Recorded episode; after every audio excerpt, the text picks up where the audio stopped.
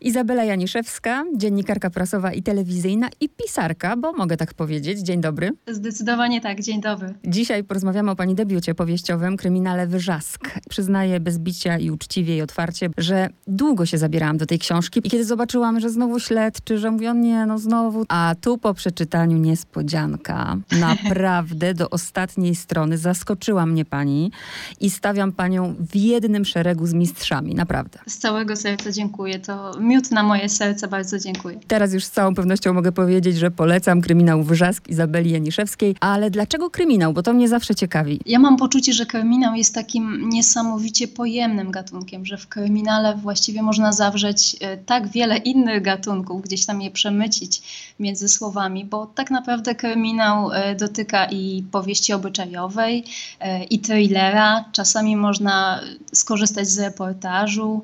Właściwie jest to takie miejsce, gdzie gdzie, gdzie można spojrzeć e, na rzeczywistość, na jakiś problem z wielu stron. Stąd kryminał, bo, bo jest pojemny i bogaty. Czyli nie ta droga, że kryminały się sprzedają, ludzie czytają i tak dalej. Nie, nie, zdecydowanie nie. Chociaż e, nie mam nic przeciwko temu, żeby się dobrze sprzedało. to prawda. Już kończyłam książkę. Ja, zresztą przez całą książkę miałam takie uczucie, ale na końcu to już naprawdę widziałam wręcz filmowe sceny. No i zaczęłam szukać informacji na pani temat i myślę, no tak, teraz to już mnie to nie dziwi, bo przecież pani napisała się trochę w życiu scenariuszy telewizyjnych. To prawda, tak. Ja przez wiele lat pracowałam w stacjach telewizyjnych, e, gdzie przygotowywałam scenariusze takich mini reportaży, mini form e, mówiących o kobietach, o ich trudnych losach, o tym, jak sobie poradziły z jakimiś problemami i wyszły na tak zwaną życiową prostą, ale też przygotowywałam scenariusze talk show, a nawet mam w e, swoim życiu taki epizod, że recenzowałam scenariusze filmów, takich produkcji filmowych, kinowych, znanych.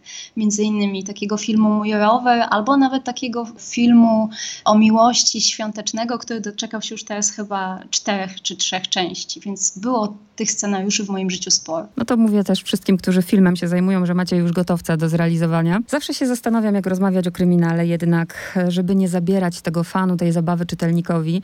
A pierwsze pytanie, które ja dostaję, i wiem, że autorzy nie cierpią tego pytania, ja go też nie lubię mhm. zadawać, ale ja takie pytania dostaję od ludzi, którzy chcą, żebym im polecała książkę. O czym to jest? No i wtedy ręce mi opadają.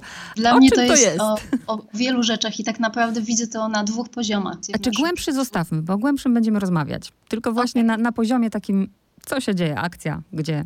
Dla mnie Wrzask jest y, przede wszystkim historią y, kilku osób.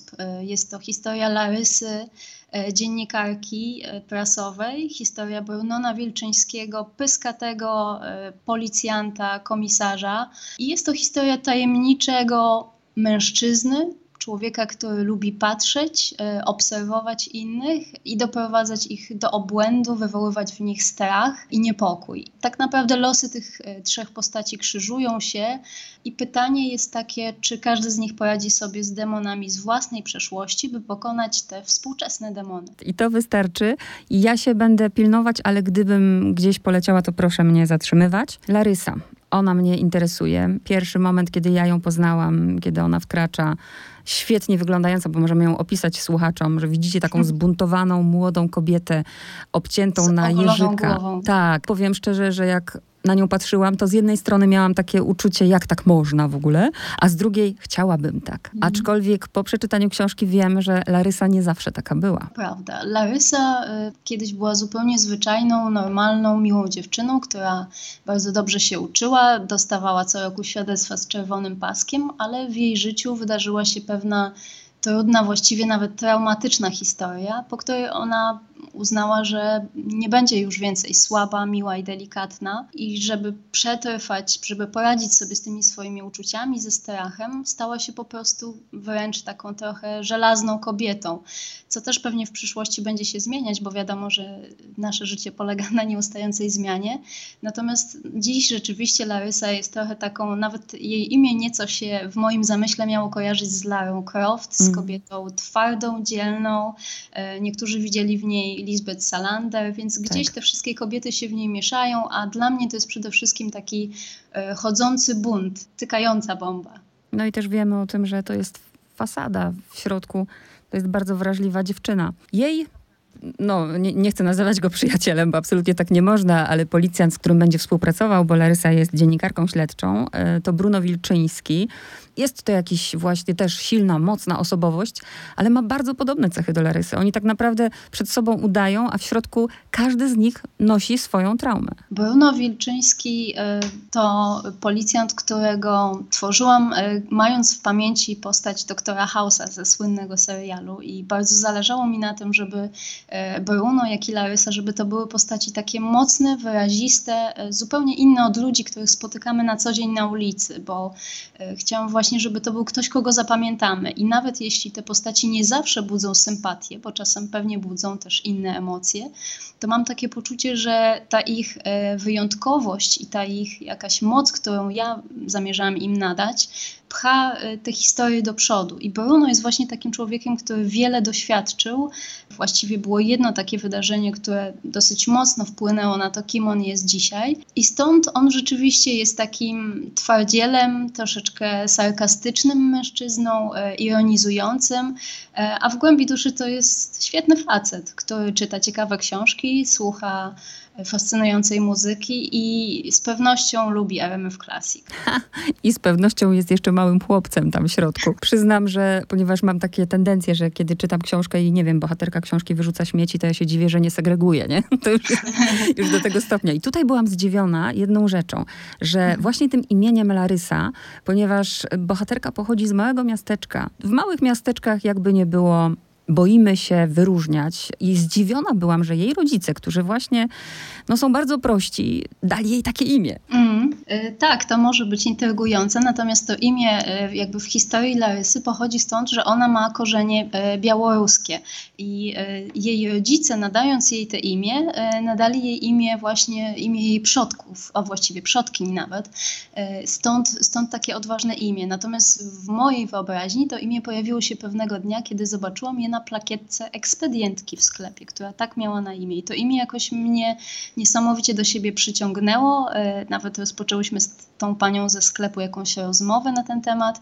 No i uznałam, że, e, że bohaterka nie może się nazywać jakoś tak zwyczajnie, tylko właśnie tak wyjątkowo. A Bruno, skąd się wziął Bruno imię? Historia imienia Bruno ona jest dużo prostsza, bo e, kiedyś jakoś układając tę historię jeszcze w, w takiej innej wersji, mój pierwotny bohater w moich myślach nazywał się też, jego imię zaczynało się od literki B i jakoś te B mi utkwiło w pamięci, więc po prostu myślałam o dosyć krótkim, oryginalnym imieniu na literkę B, ale nie ma tu już jakiejś większej filozofii za tym. Ale bardzo do niego pasuje to nazwisko i imię. On w ogóle pierwotnie miał mieć na nazwisko Wilk, natomiast e, ze względu na to, że w bliskim czasie e, do mojej książki ukazał się inny kryminał, gdzie jeden z głównych bohaterów, również policjant, e, nosił nazwisko Wilk, stąd wymagało to ode mnie pewnej elastyczności i dosyć szybkiej zmiany. Pamiętam, że zrobiłam wtedy długą listę nazwisk, wybierałam co chwilę inne, ale ten Wilk cały czas nie dawał mi spokoju, bo Wilk miał oddawać jego charakter, jego chodzenie własnymi drogami, taką trochę samotniczość, e,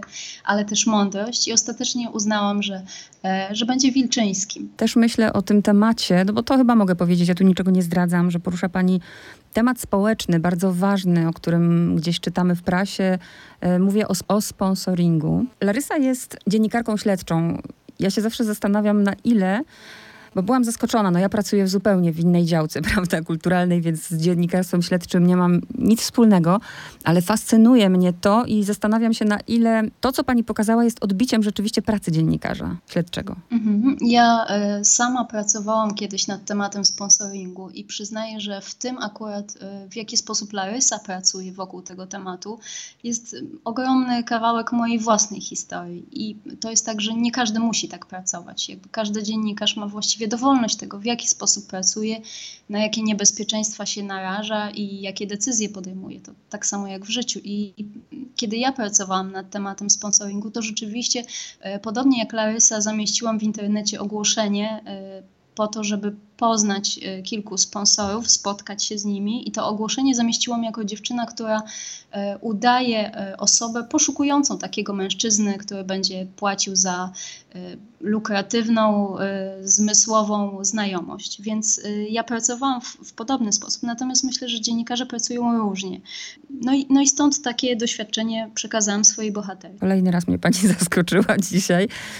Rzeczywiście te dane, w takim razie mogę twierdzić, że też te dane, które tam padają, że no jedna, nie, nie wiem teraz jakie są procenty zajmowania się przez studentki czy korzystania ze sponsoringu, to wszystko jakby jest sprawdzone i jest realne. Mówi się o tym, że 15 do 20% y, studentek y, korzysta z takiej y, formy znajomości, nazwijmy to takim eufemizmem. Natomiast to są dane sprzed kilku lat, jakichś pięciu myślę, więc y, ta sytuacja mogła się już nieco zmienić. Mam nadzieję, że zmienia się na lepsze. No, jest to myślę, że cały czas y, silny problem, szczególnie na uczelniach prywatnych, bo na uczelniach państwowych ten odsetek był nieco mniejszy, na uczelniach prywatnych zdecydowanie wyższy. Czytając tyle kryminałów, jestem w stanie naprawdę przewidzieć, co, co się wydarzy w wielu kryminałach, prawda? Co, kto powróci w drugim tomie, jakby już ten mechanizm znam, i pani mnie bardzo zaskoczyła. Nawet, nawet byłam w pewnym momencie, tak, taką miałam myśl, no nie, no to w ogóle nie pasuje.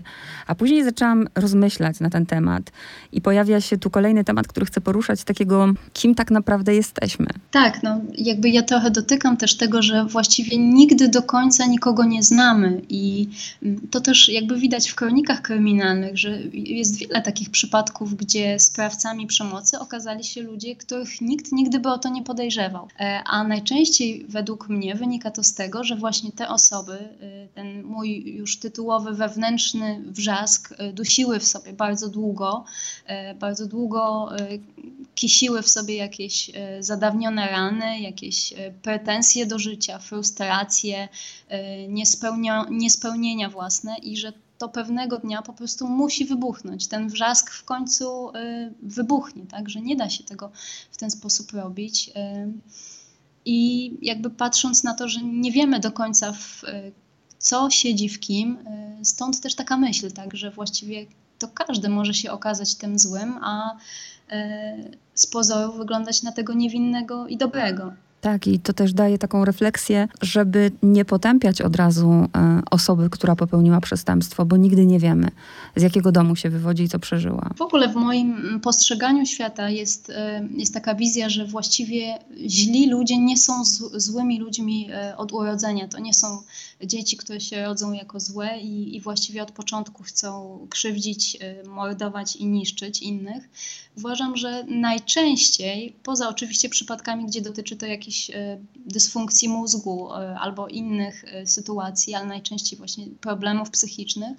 Więc poza takimi przypadkami, tak naprawdę wielu sprawców przemocy, jak przyjrzymy się ich biografiom, okazuje się być osobami głęboko skrzywdzonymi. I też nie mówię, że krzywda jest usprawiedliwieniem dla zbrodni, bo zawsze na końcu mamy tę możliwość decyzji, czy coś zrobimy, czy nie. Natomiast e, ewidentnie jest to czynnik, który wpływa na to, że ktoś może stać się pewnego dnia sprawcą przemocy. Tak, i tak jak pani powiedziała, to jest też książka o tym, że określamy się poprzez wybory jakich dokonujemy. Nie wiem, bo nie liczyłam, ale tak zwróciłam uwagę na, na to słowo mm, i ciekawa jestem, bo nie liczyłam później dalej. Czy mi się tylko wydaje, czy pani słowa wrzask użyła tylko raz w tej książce? Szczerze mówiąc nie wiem. Bo nie ja właśnie tak mi nigdy. zapadło w pamięć na stronie 165, nawet zapamiętałam, ale najbardziej obawiała się, że wrzask, który przez cały czas dusiła w sobie, wydostanie się na zewnątrz, a wtedy wszyscy zobaczą, kim jest naprawdę. I ten wrzask tytułowy, każdy, każdy jeden z tych, który, których poznajemy, ma w sobie coś, co go dusi, ten, ten wrzask, bo to nie jest krzyk, prawda? Mhm. Ja w ogóle myślę, że wielu ludzi, tak jak popatrzymy na swoje otoczenie, ma w sobie taki wrzask. On jest czasem mniejszy, czasem większy, natomiast myślę, że y, jesteśmy wychowywani w takim społeczeństwie, w którym y, bardzo kultywowane jest bycie uprzejmym, bycie miłym. Y, raczej to wyrażanie własnego zdania proponuje się, żeby to robić w stylu bułkę przez bibułkę i żebyśmy wszyscy jednak byli dla siebie dobrzy i mili. I często przez to cała masa ludzi ukrywa swoje prawdziwe uczucia, swoje prawdziwe myśli i gdzieś to w środku narasta. Więc myślę, że w wielu osobach jest jakieś takie. Mm, ciche wrzeszczenie w duszy. Mam nadzieję, że ono się gdzieś tam powolutku y, uwalnia i dzięki temu te osoby nigdy nie wrzasną tak potężnie, że aż się ziemia zatrzęsie. Mm.